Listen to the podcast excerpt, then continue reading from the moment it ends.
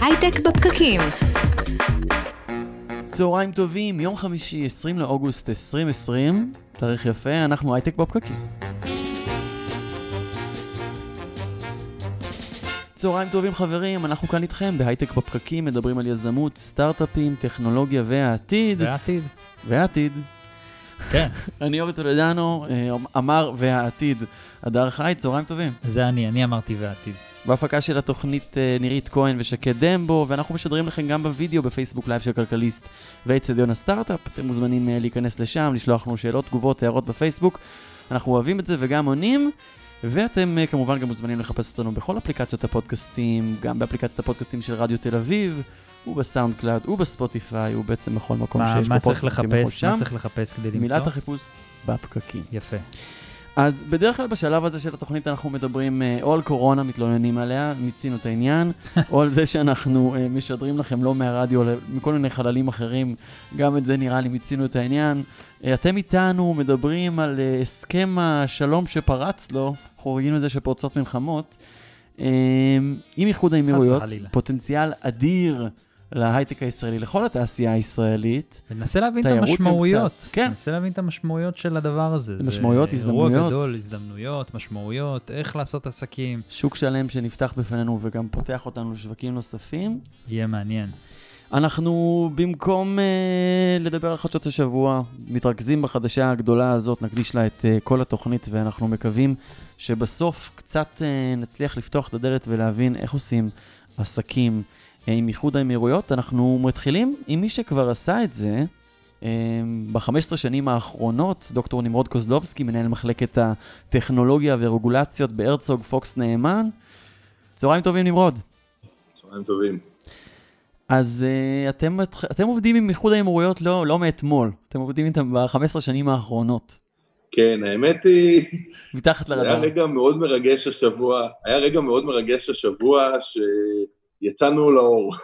כן, אנחנו הרבה מאוד שנים עובדים שם. יצאתם מהארון. הרבה מאוד שנים, יצאנו מהארון לגמרי. השותף המנהל, אה, מאיר לינזן, שמגיע לו את הקרדיט, הוא באמת אה, הוביל את הפעילות הזאת ומוביל את הפעילות הזאת באיחוד האמירויות, אה, קיבל החלטה עם פרוץ השלום והמערכת היחסים החדשה עם איחוד האמירויות, באמת לספר את הסיפור שלא סיפרנו. כי אנחנו 15 שנה פעילים שם, בחמש שנים האחרונות אנחנו פעילים שם הרבה מעבר למשרד עורכי דין, אנחנו בעצם עושים פעילות מאוד ענפה באיחוד האמירויות של באיזה תחומים? של טרנספורמציה דיגיטלית וייעוץ אסטרטגי והשקעות והבאת טכנולוגיות ישראליות ושיתופים אה, מאוד מאוד נרחבים בין טכנולוגיה ישראלית ובין פרויקטים אה, רחבי היקף באמירויות. והכל מתחת היינו- לרדאר. הכל היה צריך להיות מתחת לרדאר, היינו, ו- אה, גם גייסנו כוח אדם, לא יכולנו לספר להם בהתחלה איפה הפרויקטים האלה וכדומה, מחשש באמת שהפרויקטים האלה, אם ייוודעו באותה עת, אה, עלולים אה, לפגוע בהצלחת הפרויקטים, הפומביות. כן, והתחומים שהתמקדתם בעיקר זו תעשייה ביטחונית, זה סייבר, אז זהו, אם uh, לפני כ-15-16 שנה בערך הפעילות המרכזית הייתה באמת ביטחון המולדת, זה טכנולוגיות שסייעו בהגנה וביטחון פנים, הטכנולוגיות בשנים האחרונות מאוד מגוונות. אחד הדברים המעניינים זה שיש הרבה טכנולוגיות שישראל מובילה בהן בעולם ומעניינות אותן פשוט בגלל שאנחנו באותו אזור. מעניינות אותן טכנולוגיות של מים, זו מדינה הרי שמתמודדת עם אתגרי מים גדולים, מעניינות כן. אותן טכנולוגיות מדבר, טכנולוגיות חקלאות בתנאים כאלה, מעניין אותם מאוד אה, טכנולוגיות אנרגיה ואנרגיה נצילה שיש בישראל, אבל גם מעניין אותם מאוד, וזה אולי המוקד של מה שאנחנו התעסקנו, מאוד מעניין אותם הידע הישראלי בתחומים של בעצם תשתיות אה, מערכות מידע. מאוד מעניין אותם טרנספורמציה דיגיטלית והיכולת של ישראל להביא טכנולוגיות שמשנות תעשיות.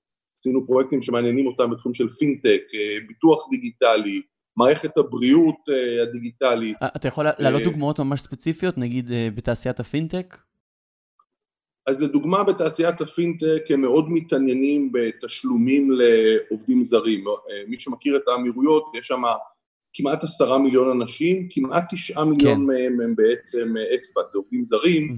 מטורף. וזו בעצם תעשייה שבה אתה נדרש לפתרונות אה, פיננסיים שמתאימים לאוכלוסייה כזאת, הם מעבירים את חלק גדול מהכסף הביתה, הם מתנהלים בדרך כלל בהתנהלות שהיא לא ההתנהלות הבנקאית המקובלת, אז נגיד נורא עניינו אותם פתרונות אה, שאנחנו קוראים להם הרבה פעמים פתרונות לאקספאט, פתרונות פיננסיים לאנבנק או פתרונות פיננסיים לאנשים שמתנהלים אה, בהתנהלות פיננסית אה, שונה מהאנשים האמירויות. מעניין אותם מאוד טכנולוגיות של ביטוח. אני חושב שאחד הדברים שמעניינים זה שבעולם הערבי אה, ישנם נתוני ביטוח נמוכים יותר ממה שאנחנו מכירים במדינות מערביות.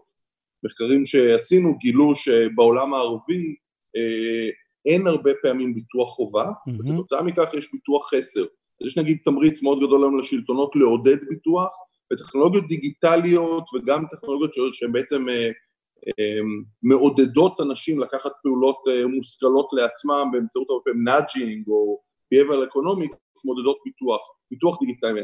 מאוד מעניין אותם פתרונות בריאות דיגיטלית מישראל. ישראל נחשבת בעולם כמודל בנושא בריאות דיגיטלית, כיוון שבישראל יש לנו מערכת של medical uh, records בעצם על כל אזרח, medical records אחודים, כן. שמאפשרים לך לעשות מניהול הטיפול באופן רציף, דרך פרדיקציות, דרך יצירת אותה uh, מסגרת טיפול uh, משולבת בין המטפלים, מאוד עניין אותם טכנולוגיות בריאות ישראליות. מאוד מעניין אותם כמובן גם פתרונות סייבר ישראלים. מטבע הדברים הם מדינה שנמצאת גם באיום איראני וגם באיום במדינות אחרות, מעניין אותם פתרונות סייבר ישראלים, סייבר הגנתי ישראלי. אמ, בעצם עכשיו יש, הרי יש הרבה קרנות באמירויות שעד כה לא היו יכולות לעבוד עם ישראל, ועכשיו השערים אה, נפתחו, אה, נפרץ הסכם השלום כמו שאמרת, פרץ הסכם השלום. אילו קרנות יש שם ש- שישראלים יכולים עכשיו לגשת אליהם? אילו קרנות הן מעניינות במיוחד? אז בתור התחלה צריך להודות על האמת, כבר משקיעים מהאמירויות אה, השקיעו בישראל בשנים האחרונות, הם רק השקיעו הרבה פעמים דרך אה, גופים זרים, כן. או דרך קרנות אשר הן קרנות זרות במדינות אחרות, היו היקפי השקעות בישראל במקומות שגם עניינה אותם טכנולוגיה.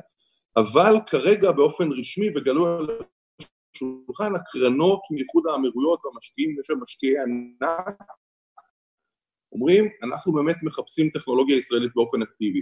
עכשיו צריך קצת להבין, מודבלה, שזה לדוגמה קרן ההשקעות של אבו דאבי, מנהלת כ-250 מיליארד דולר השקעות.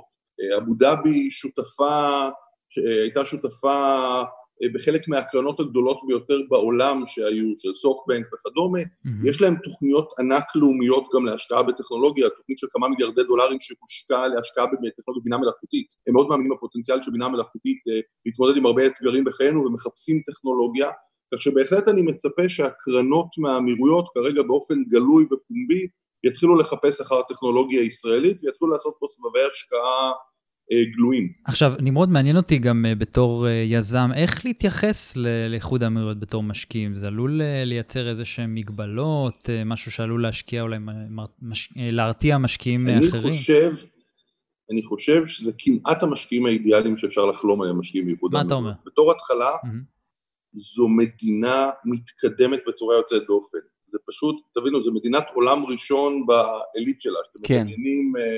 יפן, סינגפור, אה, סקנדינביה, תתחילו לדמיין איחוד האמירויות. זה אנשים, רוב האנשים שאתה יושב סביב השולחן, זה אנשים שהגיעו עם תארים מתקדמים מאוניברסיטאות האליטה האמריקאיות או הבריטיות.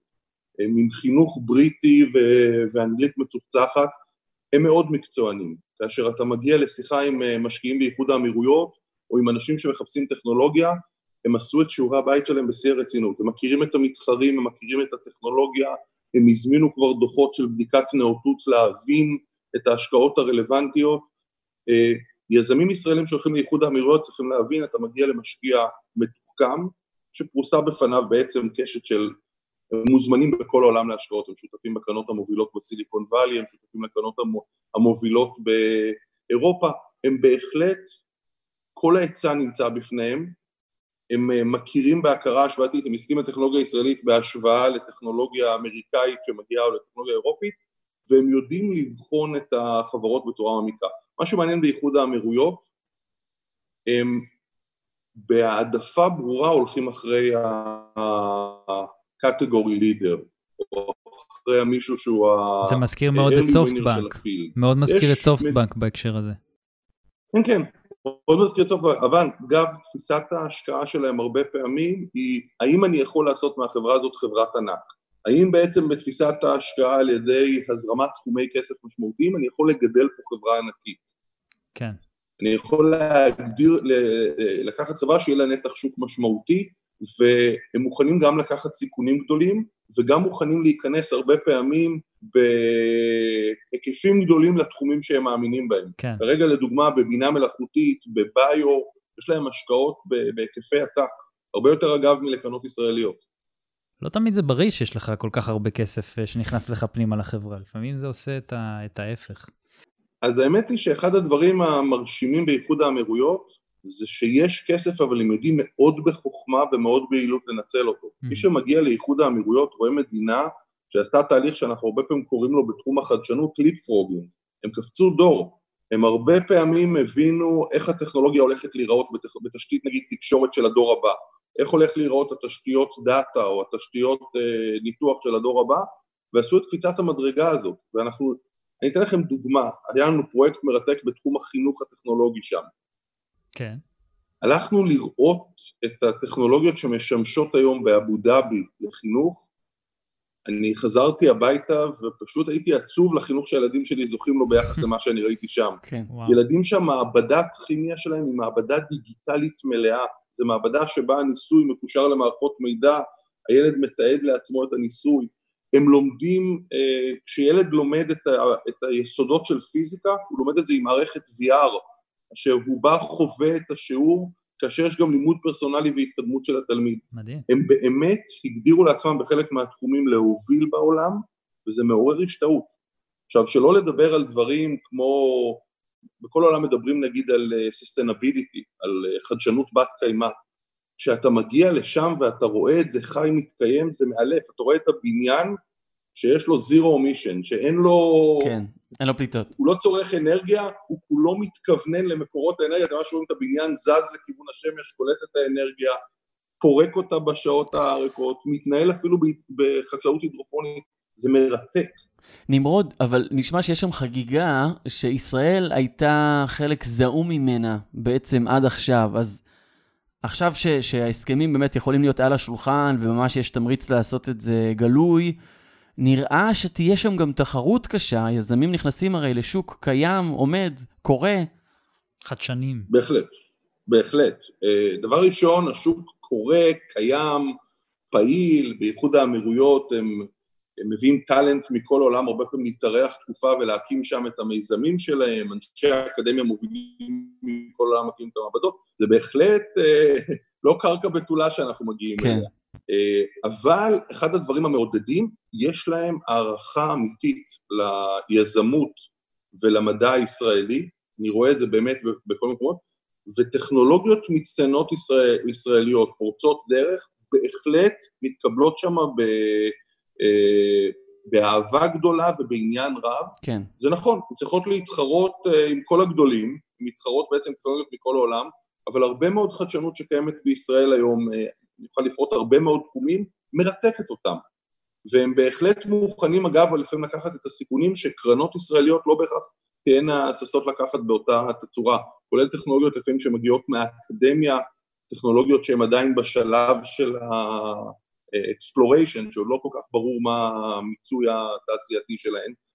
ההזדמנות היא בהחלט גדולה, אבל תהיה גם תחרות, אין ספק. יזמים כנראה כרגע ירוצו לקרנות משם, כנראה בהתחלה גם יצטרכו איזה מורה דרך לשם, כן. כי מטבע הדברים אתה צריך לדעת את התרבות ואת צורת ההתנהלות ואיך להציג את המיזם שלך ומה מקובל במסגרת עסקית. Mm-hmm. אני חושב שאם ההייטק הישראלי ב-20 שנה האחרונות למד איך מתנהג ההייטק האמריקאי, עכשיו יש לו שיעור חדש. הטרם שיט שלנו, כן, ראינו סיליקון וואלי ולמדנו איך יזם צריך להתנהג מול קרנות אמריקאיות, אנחנו צריכים ללמוד סוג אחר של התנהגות. ההתנהגות של האמירתים היא שונה, זה לא ההתנהגות האמריקאית. זה, זה טוב מאוד שאנחנו מסיימים את הרעיון עם הנימה הזאת, כי, כי בהמשך יתארח אצלנו פרופסור עוזי רבי, ראש מרכז דיין לחקר המזרח התיכון באוניברסיטת תל אביב. וידבר איתנו בדיוק על התרבות uh, שאנחנו צריכים ללמוד. דוקטור נמרוד קוזלובסקי, מנהל מחלקת הטכנולוגיה ורגולציות בהרצוג פוקס נאמן, תודה רבה. תודה רבה. הייטק בפקקים. הייטק בפקקים, כל מה שמעניין בעולמות הטכנולוגיה והיזמות. חזרנו, ואנחנו עם uh, שר המדע והטכנולוגיה יזהר שי, צריך גם uh, להגיד גילוי נאות מהעמקים של התוכנית הזו. ואנחנו ממשיכים בחגיגה הקטנה שלנו בעקבות הנורמליזציה המסתמנת עם איחוד האמירויות. יזהר, שלום רב. אהלן אורי, אהלן אדר, איזה כיף להיות פה, תודה על ההזמנה. כמובן. אז, אז אנחנו בתוכנית שמחה, שזה נחמד לגוון מ- מ- מהקורונה. על פניו יש הזדמנות אדירה עכשיו בשביל ההייטק הישראלי. הכלכלה אה, של איחוד האמירויות מאוד מוכוונת הייטק וחדשנות, ולצמצם בתעשיות הנפט ולעבור יותר אה, לתעשיות נוספות. איך בתור שר המדע והטכנולוגיה, איך ההייטק הישראלי, איך אנחנו מנצלים את ההזדמנות הזו לדעתך? קודם כל מקבלים אותה בשמחה גדולה. תראו, זה קטע מעניין. רוב השיח שמדבר על הפוטנציאל הגדול של הסכם השלום היפה הזה, מדבר בדיוק על זה, על הפוטנציאל עבור המדע, הטכנולוגיה, ההייטק הישראלי. אז זה כיף, זה כיף שבאמת אני חושב שכולם מבינים גם שההייטק והחדשנות בישראל הם דבר כל כך חשוב, וגם שהם עומדים בבסיסו של אינטרס משותף בין ישראל לבין האמירויות, ומי יודע, אולי עוד ארצות שיצטרפו בהמשך לעוד הסכמי שלום במזרח התיכון. אז בהחלט יש פה על מה לדבר, ואני בטוח שזו הייתה אחת הסיבות המשמעותיות עבור האמירויות להמשיך להתעניין בנורמליזציה ובשלום עם מדינת ישראל. יש פה פוטנציאל גדול, ואנחנו מביאים הרבה לשולחן בעניין הזה. זה בהחלט הסכם שלום, שבו מסתכלים על נכסים של מדינת ישראל, והנכסים הם לא רק ביטחון ואסטרטגיה, הנכסים הם חדשנות, יזמות, הידע שיש לנו בפיתוח רעיונות למיזמים, לסטארט-אפים, לחברות בינלאומיות מובילות והטכנולוגיות פורצות הדרך שיש במדינת ישראל. אז מסתכלים... מה בעיניך מעניין אותם בעצם? וואי, יש כל כך הרבה. Uh, תראה, אדר, יש כמה דברים שנראים ממש uh, טריוויאליים. האחד הוא uh, בתחומי החקלאות, אגרוטק, האגרוטק הישראלי נמצא בפריחה בשנים האחרונות. אני יודע שכיסינו את זה מספר לא קטן של פעמים בהייטק בפרקים, ואתם המשכתם להסתכל על זה. Uh, אז אגרוטק בהחלט מעניין בהקשר של המזרח התיכון, הוא משתלב גם עם דזרטק, כלומר טכנולוגיות חקלאות וטכנולוגיות המדבר, כן. מחוברות ביחד. צריך להגיד כולנו... שזה משהו שכבר כן. קורה. בש... פשוט כרגע, עד עכשיו זה היה יותר ב... עם, עם כל מיני חברות uh, קאש, ו- ו- והדברים היו קצת מורכבים, אבל כבר יש שיתוף פעולה בהקשר הזה. יש, ויש חברות ישראליות וטכנולוגיות ישראליות שנמכרות כבר באמירויות, ועכשיו אפשר יהיה להמשיך לקדם את הדברים האלה על השולחן. בסופו של דבר, מזג אוויר קשה, אבל יש צורך אמיתי בגידולים חקלאיים, ומדינת ישראל היא מהמובילות בעולם בטכנולוגיות חקלאיות, וגם דרך אגב במה שנקרא היום טכנולוגיות מדייקות מתחום החקלאות, שאלו הן טכנולוגיות של עיבוד תמונה, שימוש ב-AI, ב-Artificial Intelligence, כדי לדייק את הגידולים, את האיכות שלהם, את המעקב אחריהם וכן הלאה. אז זה נושאים שמאוד מאוד מעניינים בעולם האגרו, בעולם החקלאות, ובטח בהקשר של היחסים בינינו לבינם, אז הנה מצאנו משהו uh, משותף ומאוד מעניין. יש עוד uh, uh, תחום ענק שהם כבר הוכיחו את הרצינות של, שלהם בו, וזה תחום החלל, החלל האזרחי. אני מזכיר לכולנו שהאמירויות שלחו כבר חללית שאמורה להגיע למאדים, זה הישג טכנולוגי מדהים, עצם המשלוח, בואו נקווה שהיא גם תגיע לשם. וגם מדינת ישראל היא, אני מזכיר לכולנו, מעצמת חלל לא קטנה, אני אומר את זה בזהירות הראויה, לא רוצה להישמע כשחצן, אבל ישראל היא בין 10-12 המדינות היחידות בעולם שיודעות לבנות, לשגר, לנהל ו- ולצרוך שירותים מלוויינים, לא רק את הלוויינים אנחנו בונים, גם את הטילים שמשגרים אותם, גם את כל אופרציית השיגור, שלא הרבה מדינות מסוגלות לעשות אותה. אז יש לנו כאן עניין משותף, אנחנו עכשיו, שאלתם אפרופו בהקשר של המשרד שאני עומד בראשו, משרד המדע והטכנולוגיה, גם אחראי על סוכנות חלל הישראלית, אנחנו כרגע בתוכניות לקדם את החלל האזרחי בישראל, וזה מתלבש לנו מצוין, אז פה יש אפילו אינטרס משותף, לשתף ידע ולעשות פרויקטים משותפים בינינו לבין האמירויות, בכל מה שקשור למשלוח, שיגור, ניהול של תעשיית חלל אזרחית, זה גם פוטנציאל אדיר עבור מדינת ישראל. הפוטנציאל מדהים, רק המחשבה היא באמת משמחת, אבל השאלה מה... אז הודיעו על ההסכם, מה הצעד הבא? מה... בתור אה, שר מדע וטכנולוגיה. כן, מה המשמעויות של זה? בוא נגיד ככה. מה עושים עכשיו? אחלה, אז בישראל כבר התחילו לגבש תוכניות, גם בצד השני, וכבר יש שיחות, אה, מה שנקרא, בעגה של אנשי משרד החוץ, שיחות בילטרליות, שיחות uh, משותפות כאלה, שאנחנו שותפים בשני הצדדים uh, לאינטרס המשותף, ואז מנסים uh, לקדם אותו ביחד. יש עבודת מטה, עבודת הכנה בצד הישראלי וגם בצד שלהם, של כל מה שאפשר להציע למערכת היחסים המשותפת הזו, ועבודת המטה הזו, ומה שהיא קשורה למשרד שלי, באמת קשורה בלהכין מעין רשימת מלאי כזאת, תפריט של המצאי במדינת ישראל, חברות סטארט-אפ בתחומים שונים, חברות גדולות בתחומים שונים, טכנולוגיות ישראליות אה, רלוונטיות, ואולי אה, נדבר על הצורך הטריוויאלי הראשון שהוא ממש מתבקש, וזה הנושא של קוביד-19, אה, המלחמה בקורונה. מדינת ישראל, אני מזכיר לכולנו, מפתחת שני חיסונים במקביל, אחד במכון הביולוגי והשני בצפון, בחברת אה, מיגל שמפתחת את הטכנולוגיות אה, שאמורות גם כן להביא לידי אה, חיסון או את התרופה, בעצם לא, זה חיסון לשפעת העופות שאמור לעבור את הטרנספורמציה שלו. להיות, כן, להיות חיסון לקורונה. חיסון לקורונה בבני אדם, אז הם גם מפתחים את זה שם, אנחנו דרך אגב מלווים וגם מממנים חלק מהפיתוח הזה. הנה שני דברים שמדינת ישראל נמצאת בהם בחזית המלחמה בקורונה. בנוסף לכל מיני טכנולוגיות שקשורות בבדיקה, בניהול משבר, בניהול המערך הזה של הבדיקות. יש הרבה דברים שמעניינים את uh, האמירויות שקורים אצלנו, ואפשר לדבר פה על uh, מימון משותף ועל עבודה משותפת סביב הנושאים האלה. מה לגבי, מה אתה היית אומר ליזמים עכשיו, יזמי, יזמיות, לכל מי שעוסק בכלכלת החדשנות, אה, מה המשמעויות של ההסכם הזה מבחינתו? זה יכול להיות משהו שהוא בעצם אה, שוק חדש להיכנס אליו, מקור חדש אה, לגיוסים, דברים בסגנון הזה, למי, למי, זה יכול לעניין? גם וגם. קודם כל, אה, אם אנחנו מדברים על שוק, אז האמירויות הן שוק בפני עצמו, והן גם יכולות להיות מעין גייטווי כזה, מעין שער מבוא לעוד הרבה מאוד מקומות אחרים שאפשר להגיע אליהם דרכם. אפשר לחשוב על כל מערכת הקשרים של האמירויות, ואני מזכיר לכם שהאמירויות קשורות בכלכלה שלהן, ל...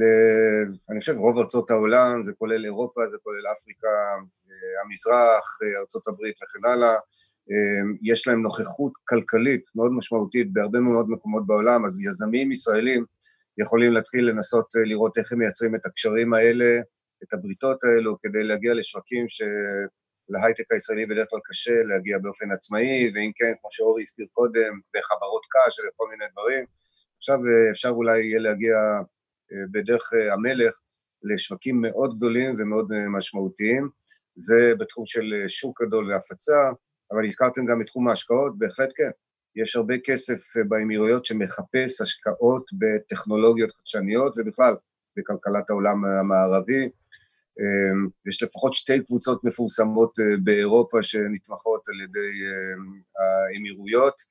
אמ, וזה רק דוגמה, קבוצות כדורגל דרך אגב, כן. זה רק דוגמה לפוטפרינט, להשפעה של אה, האמירויות על הכלכלה המערבית אה, במיטבה. אפשר בהחלט לראות איך האמירויות אה, נכנסות להשקעה מסיבית בהייטק הישראלי, אני חושב שזו יכולה להיות בשורה מצוינת. כן. כמו ששימי פרס אמר, איפה שיש קשרים כלכליים, מן הסתם גם יפרח השלום, אז פה השלום כבר פורח, ואין שום סיבה שלא תפרח כלכלה בד בבד איתו, היא, אני חושב שזו יכולה להיות בשורה מצוינת לסטארט-אפיסטים ישראלים, למשקיעי הון סיכון, לכל מי שרוצה גם במינוף הכלכלי, יש פה בהחלט בשורה טובה. יזהר, מהיכרותך עם שוק ההייטק הישראלי כבר הרבה שנים, זו לא הפעם הראשונה שנפתח בפנינו שוק חדש. סין, ש... שוק ש... שהיה די סגור, נפתח לאט לאט והיה יותר ויותר רלוונטי בשנים האחרונות. איך זה נראה כאן בתעשייה כשפתאום אה, יש קרנות הון סיכון חדשות?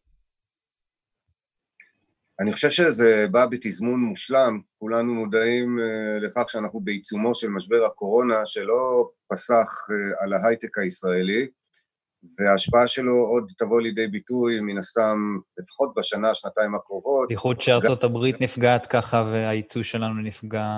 90% מההשקעות כן. בשנה האחרונה מארצות הברית, צריך לזכור. צודקים לגמרי, אז אנחנו צופים, אני חושב שכבר עכשיו אנחנו חווים ירידה בהשקעות הזרות, בטח אלו שמקורן בצפון אמריקה, בהייטק הישראלי, בטח ככל שמדובר בשלבים מוקדמים של חברות, אם זה חברות סיד ואם זה חברות בשלבי השקעה ראשוניים.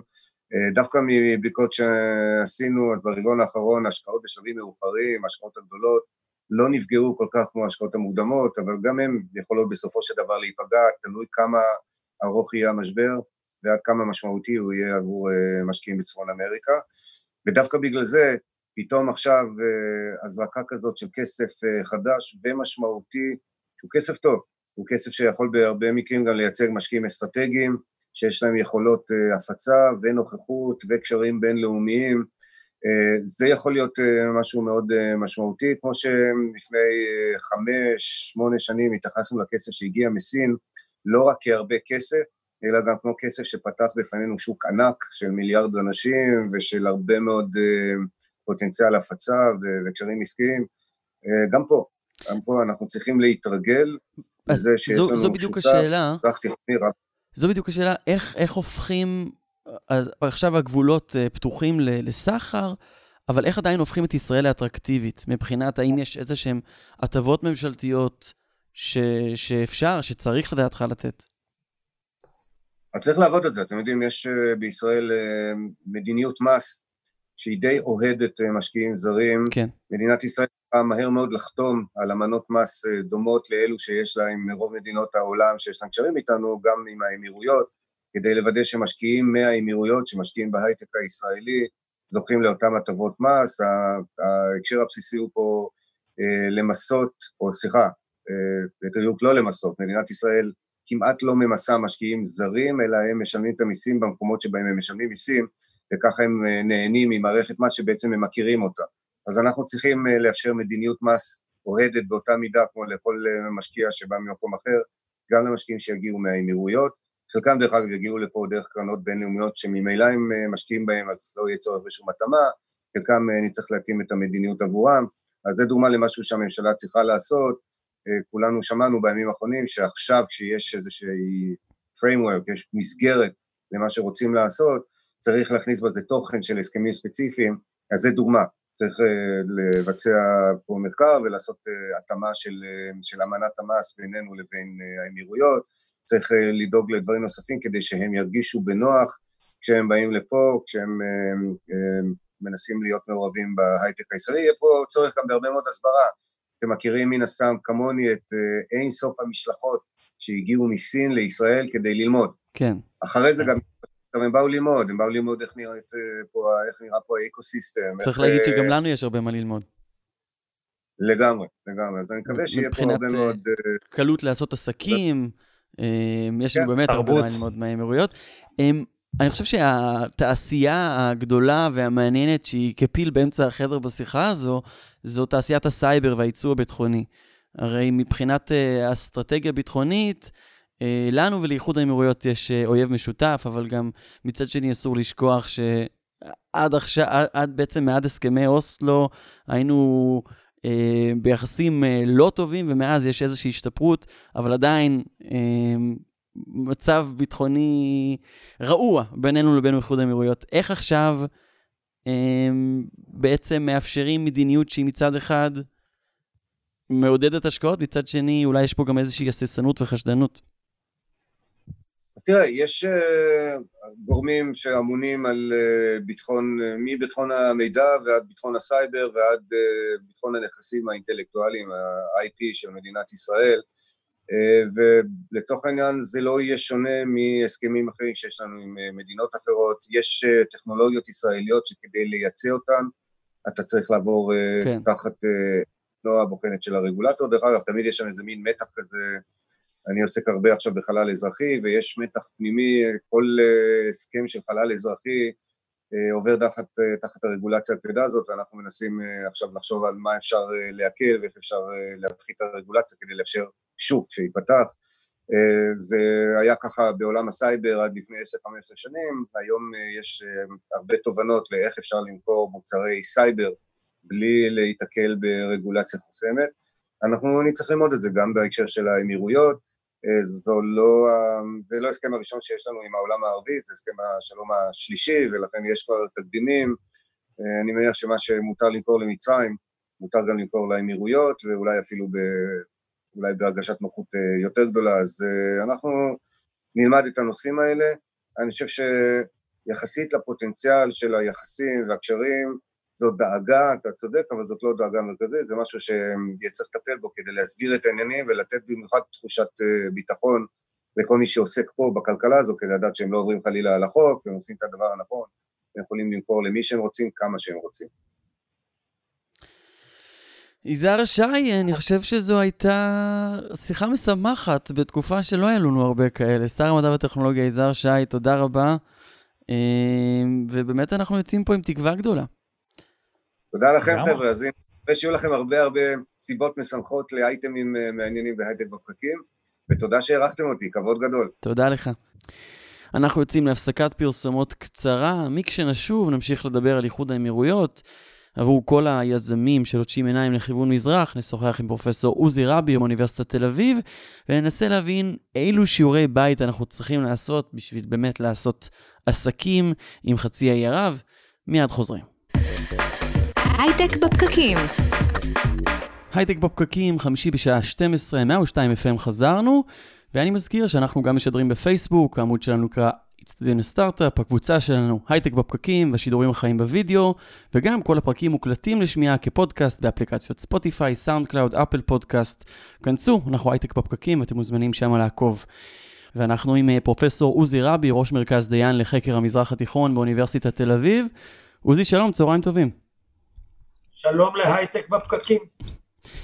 אה, דיברנו קצת בשיחה לפני שהתחלנו אה, להקליט אה, על התרבות השונה. אנחנו בעצם רוצים לנסות להבין איך עושים עסקים, איך יוצרים יחסים עם איחוד האמירויות.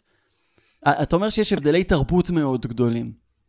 נכון, נכון. אני חושב שאחד הדברים שצריך לקחת בחשבון, שבכל זאת יש בהסכם השלום הזה אפשר לעשות כאן אה, הרצאה ארוכה על המוטיבים הגיאופוליטיים ועל הרבה מאוד דברים מדיניים פוליטיים אחרים, אבל לצורך הרעיון שלנו, אנחנו מבינים שאם יש ייחוד להסכם הזה, זה בכל זאת, מדובר כאן במדינה שבהיקף האוכלוסייה שלה דומה לישראל, זו מדינה שעם, אה, במידה רבה עם פנים וסקרנות לעידן של חדשנות, מדינה עם כלכלה בסך הכל יציבה, פורחת ומשגשגת. מחפשים חדשנות. לכן, לכן, ברור שאחד הדברים שמתחברים להסכם השלום הזה, מעבר לכל הדרמה שיש בו, ולדעתי יש בו, זה העניין העסקי, שחשיבותו כאן רבה משני טעמים. א', החבורה ש... של המדינות שבעצם מצויות שם, הן מדינות שהבסיס שלהן, או האוריג'ין, המקור שלהן, הוא ממשפחות סוחר. גם כשלא היו כאן מדינות, והיה כאן רק אה, סחר ימי ודייג וחקלאות שולית ודברים כאלה, העסק הזה של תן וקח, הנושא הזה של אה, סחר חליפין או כל סחר אחר, היה תמיד לחם חוקו של המאגר השבטי, האוכלוסייה שהייתה כאן, וכשהדברים יעברו בקפיצה מטאורית, יש לומר, עם בוא הנפט, למציאות שהיא מאוד מאוד עתירת משאבים, יהיה לעניין העסקי אה, מקום מאוד מאוד מרכזי, ואם הייתי צריך קודם כל לומר מה כאן ההבדל, פה יש אנשים שמתוך היכרותי איתם, הייתי אומר מה שבאנגלית קוראים לזה business oriented. זאת אומרת, במידה רבה מה שמעניין אותם, זה איך הם מפגישים את האינטרס הכלכלי שלהם עם האינטרס שלך. נכון שהם עושים זאת גם בעניין הגיאופוליטי והמדיני ועוד כהנה וכהנה, אבל אין צל של ספק שכאן יש לנו מפגש מאוד מאוד מעניין. עכשיו, הדיסציפלינה שאני בא ממנה, ככה אני בעצם מחנך את כל מי שאני מלמד, ואני גם חושב שזה חשוב לכל דבר ועניין, זה מה שאנחנו קוראים תרבות, אה, זה דבר מרכזי, זה דבר אימננטי, culture matters. רוצה לעשות עסקים, הרבה יותר נוח לך לעשות זה כשאתה מכיר את התרבות של מי שאתה עושה איתו אז, עסקים. אז, אז עוזי, אז מה אנחנו, מה, אנחנו צריכים, מה אנחנו צריכים לדעת בעצם על התרבות הזאת של איחוד האמירות? מה הבן אדם שעכשיו בא לעשות עסקים איתם צריך אה, ללמוד עליהם ולדעת אותם ולהתחשב בהם? אנחנו יודעים שיש תרבויות שמעריכות למשל אה, כבוד מאוד גדול שאנחנו לא תמיד רגילים אליו. מה פה? החוצפה הישראלית עובדת פה נניח? אוקיי, אז בואו נתחיל ככה. באמת החוצפה הישראלית זה דבר שיכול להיות חיובי, אבל עד גבול מסוים. כי האמת היא כך, קודם כל, היות ואמרתי לכם מה המקור, אז אם האמיר אומר אהלן וסהלן לישראלים ולישראל, זה מחייב במידה רבה את כל האוכלוסייה. זאת אומרת, הכנסת אורחים תהיה כאן. אבל אני חושב שאם ישראלים לא יבינו בסופו של דבר שיש כאן קוד שצריך להתנהג על פיו, בהחלט זה יכול אז... להיות פיל בחנות של חרסינה, ואת זה אני מתכוון לומר כאן. כן. אתה בסופו של דבר השתמשת במושג כבוד, אני לא רוצה שזה, אתה יודע, ייצור קונוטציות או אסוציאציות של מה שאנשים מבינים, הכבוד המזרח תיכוני, אבל יש כאן כבוד במובן הזה של לכבד את התרבות של האחר, להכיר בסופו של דבר בשונות שלו, אבל שוב, במידה ואתה יודע את השפה שלו, מה טוב, במידה ולא, אין שום בעיה. פרופסור אבי, מהו אותו... אז מעבר לכבוד, שאנחנו אומרים בוא לא נתמקד רק בזה, מה, מהו הקוד האתי הזה שאנחנו צריכים קצת להתאים את עצמנו אליו? אני חושב שאחד הדברים שאנחנו צריכים בעצם לעשות זה, קודם כל, לא כל החוכמה נמצאת בידינו. זה דבר ראשון. למרות שאני כבר אומר לכם, שיש פה הערכה, אני אפילו נזהר לא, לא לומר הערצה, כן? לחדשנות הישראלית, ולעובדה הזאת של סטארט-אפ nation. כשאיש עסקים ישראלי מגיע לשם, צריך לזכור שיש כאן כבר הכל. אבל מה אין כאן? יש כאן מדינת נפט, במידה רבה, רוב ההכנסות הלאומיות באות מהנפט, מהתזקיקים כן, שלו. כן, הולכות ופוחתות, צריך להגיד. והם רוצים לצאת מזה, הם לא רוצים להתעלות רק בנפט. כל מה שזה, ויש כאן כבר את הסינדרום של היום שאחרי. כלומר, באופן בסיסי, כשאתה אדם שבא עם האנרגיות של המחר, אני יודע מה, אנרגיה גיאותרמית, אה, איזה שהם, אה, נקרא לזה, יציאות בסייבר הגנתי וסייבר התקפי, כל מיני דברים שמשכנעים את האדם שמאזין לך, שיש לך גם את הרעיון וגם את היכולת לתת לו בעצם תשתית ליום שאחרי הנפט, זה כבר דבר שהוא מאוד מבורך, אנחנו מדברים על היחסים בין המדינות, על האסטרטגיה המדינית, שברור שבראיית מקרו, אה, כן, מאוד עוזרת גם לישראל וגם לאיחוד האמירויות. השאלה היא יותר בהתנהלות המיקרו, יותר כאשר יש איש, איש עסקים מצד אחד ואיש עסקים מצד אחר, והם רוצים to seal the deal. טוב, יפה. אז עכשיו בואו באמת נרד לשטח. קודם כל, אני לא מציע לאנשי עסקים להתעסק במה שהפוליטיקל קורקטנס אומרת לך לא להתעסק בו. זאת אומרת, לא צריך לבוא ולדבר על עניינים מדיניים וגיאופוליטיים. Mm-hmm. זה לא טוב לעסקים לדעתי. לא צריך גם בסופו סופר של ענייני, דבר... סופר ענייני. גם לא צריך בסופו של דבר להיות אדם שהוא רק על עצמי לספר ידעתי. תציג את עצמך, תאמר משהו, אבל אל תתחיל אם זה בערבית קוראים לזה שופוני ינס. הבנו גם בעברית. תסתכלו רק עליי. מהרגע שנחתת בדובאי או באבו דאבי, אתה צריך לשאול איפה נחתתי. למה? כי דובאי זה דובאי, אבו דאבי זה אבו דאבי. מה ההבדל? מה ההבדל ביניהם? ההבדל הוא כזה, בוא נגיד את זה, קודם כל הגדולה והחזקה מבחינה פוליטית ומבחינת נפט זה אבו דאבי. שהיא גם בעצם הבירה, והמשפחה השלטת בה היא המשפחה השלטת על כל האמירות. Mm-hmm. בדובאי יש לנו בירה פיננסית, הייתי אומר תיירותית, והמשפחה ששלטת שם היא הסגנית של כל השליטה באמירות. שתי משפחות, אחת מקטום בדובאי, הנוהיין באבו דאבי. בכל נסיכות אחרת יש עוד חמש, יש משפחה שלטת. ועכשיו שימו לב לדבר הבא, מאוד חשוב לך כאיש עסקים, ובשביל זה אתה צריך להיעזר באנשים שהם cultural translator, לדעת מי עומד לפניך, לא כמו בעולם המערבי, איפה הוא גר ומה המקצוע שלו, קודם כל... מי האיבא ואבא שלו? איזה משפחה הוא שייך. כן.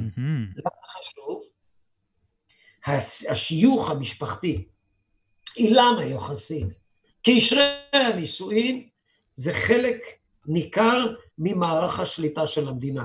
יש את המשפחות המובילות, כמו שאמרתי, השליטות, זה לא משפחה גרעינית, בכל אחת כזאת יש אלפי אנשים, אבל תנסו לחשוב על קשרי נישואין שהמשפחה הזו באה עם משפחות אחרות כדי לחזק עסקים כלכליים ולייצר בעצם סוג של רשת שבמונחים מדעיים אנחנו קוראים לה רשת פטרימוניאלית. זאת אומרת, המדינה פה זה לא בהכרח ציבור שאתה מעלה אותו על המכבש הלאומי, זה יותר בנייה של bits and pieces דרך הנושא של הטבות כלכליות, הרבה מאוד benefits, ערבות הדדית ויצירה של רשת שכשאתה מתמצא בה, אתה יודע לנוע בה יותר טוב. אז, אז אם, אני יודע, אם אני יודע על המשפחה של מי שאני בא לעשות איתו עסקים ועל ההקשרים האלה, מה בעצם זה עוזר לי? איך אני בעצם משתמש בידע הזה? הידע הזה אומר ש...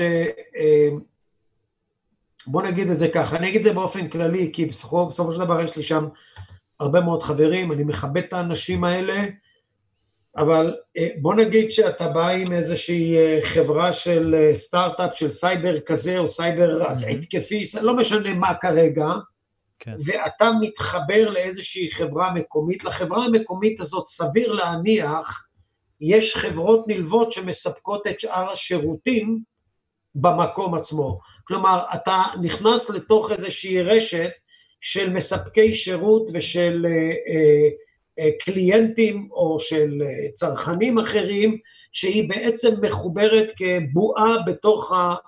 אה, ה climate, ה climate הזה שאתה נמצא בו. זאת אומרת, פתחת את הדלת עם מישהו אחד, אתה יכול להיות שפתחת עכשיו הרבה מאוד דלתות.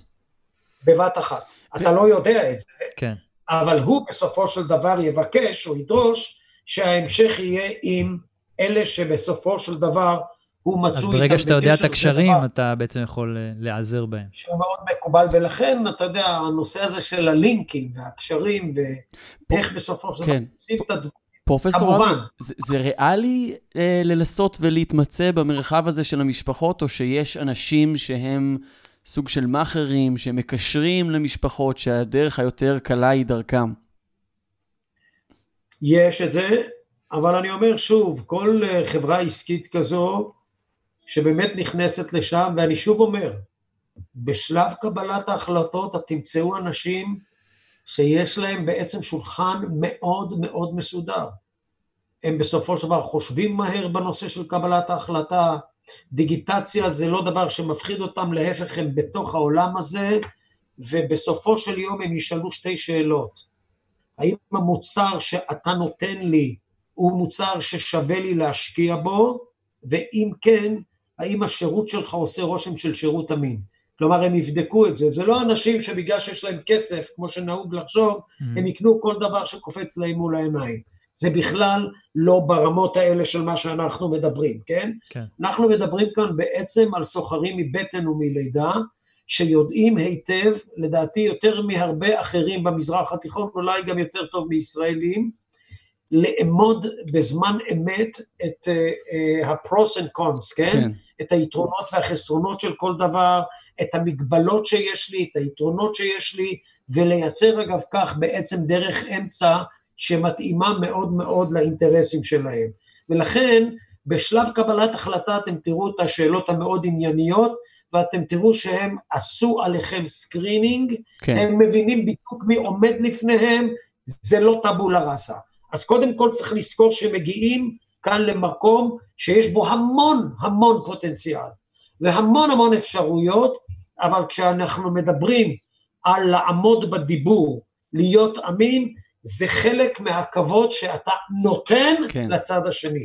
כלומר, הוא יבדוק אותך בציציות בנושא הזה, ואמינות שווה כאן הרבה מאוד.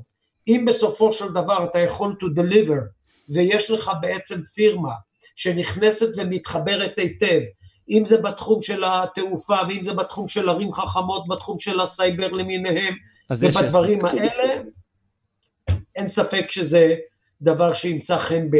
מאוד בעיני המקומיים. פרופסור עוזי רבי, ראש מרכז דיין לחקר המזרח התיכון באוניברסיטת תל אביב, תודה רבה לך. תודה רבה לכם, יום טוב. ואנחנו מסיימים את התוכנית הזאת של הייטק בפקקים. תודה לכלכליסט ולרדיו תל אביב על שיתוף הפעולה, תודה לכל מי שהיה איתי, תודה הדר חי. תודה אורית טולדנו. תודה לנירית כהן ושקד דמבו שהיו על ההפקה, תודה לכם שהאזנתם לנו אם הצטרפתם רק בסוף. לא צריך לדאוג, כל התכנים מחכים לכם בכל אפליקציות הפודקאסטים, חפשו אותנו במילת החיפוש בפקקים, ואנחנו נשתמע כאן יום חמישי, 12 בצהריים, רדיו תל אביב, 102 FM. יאללה ביי. נתראה.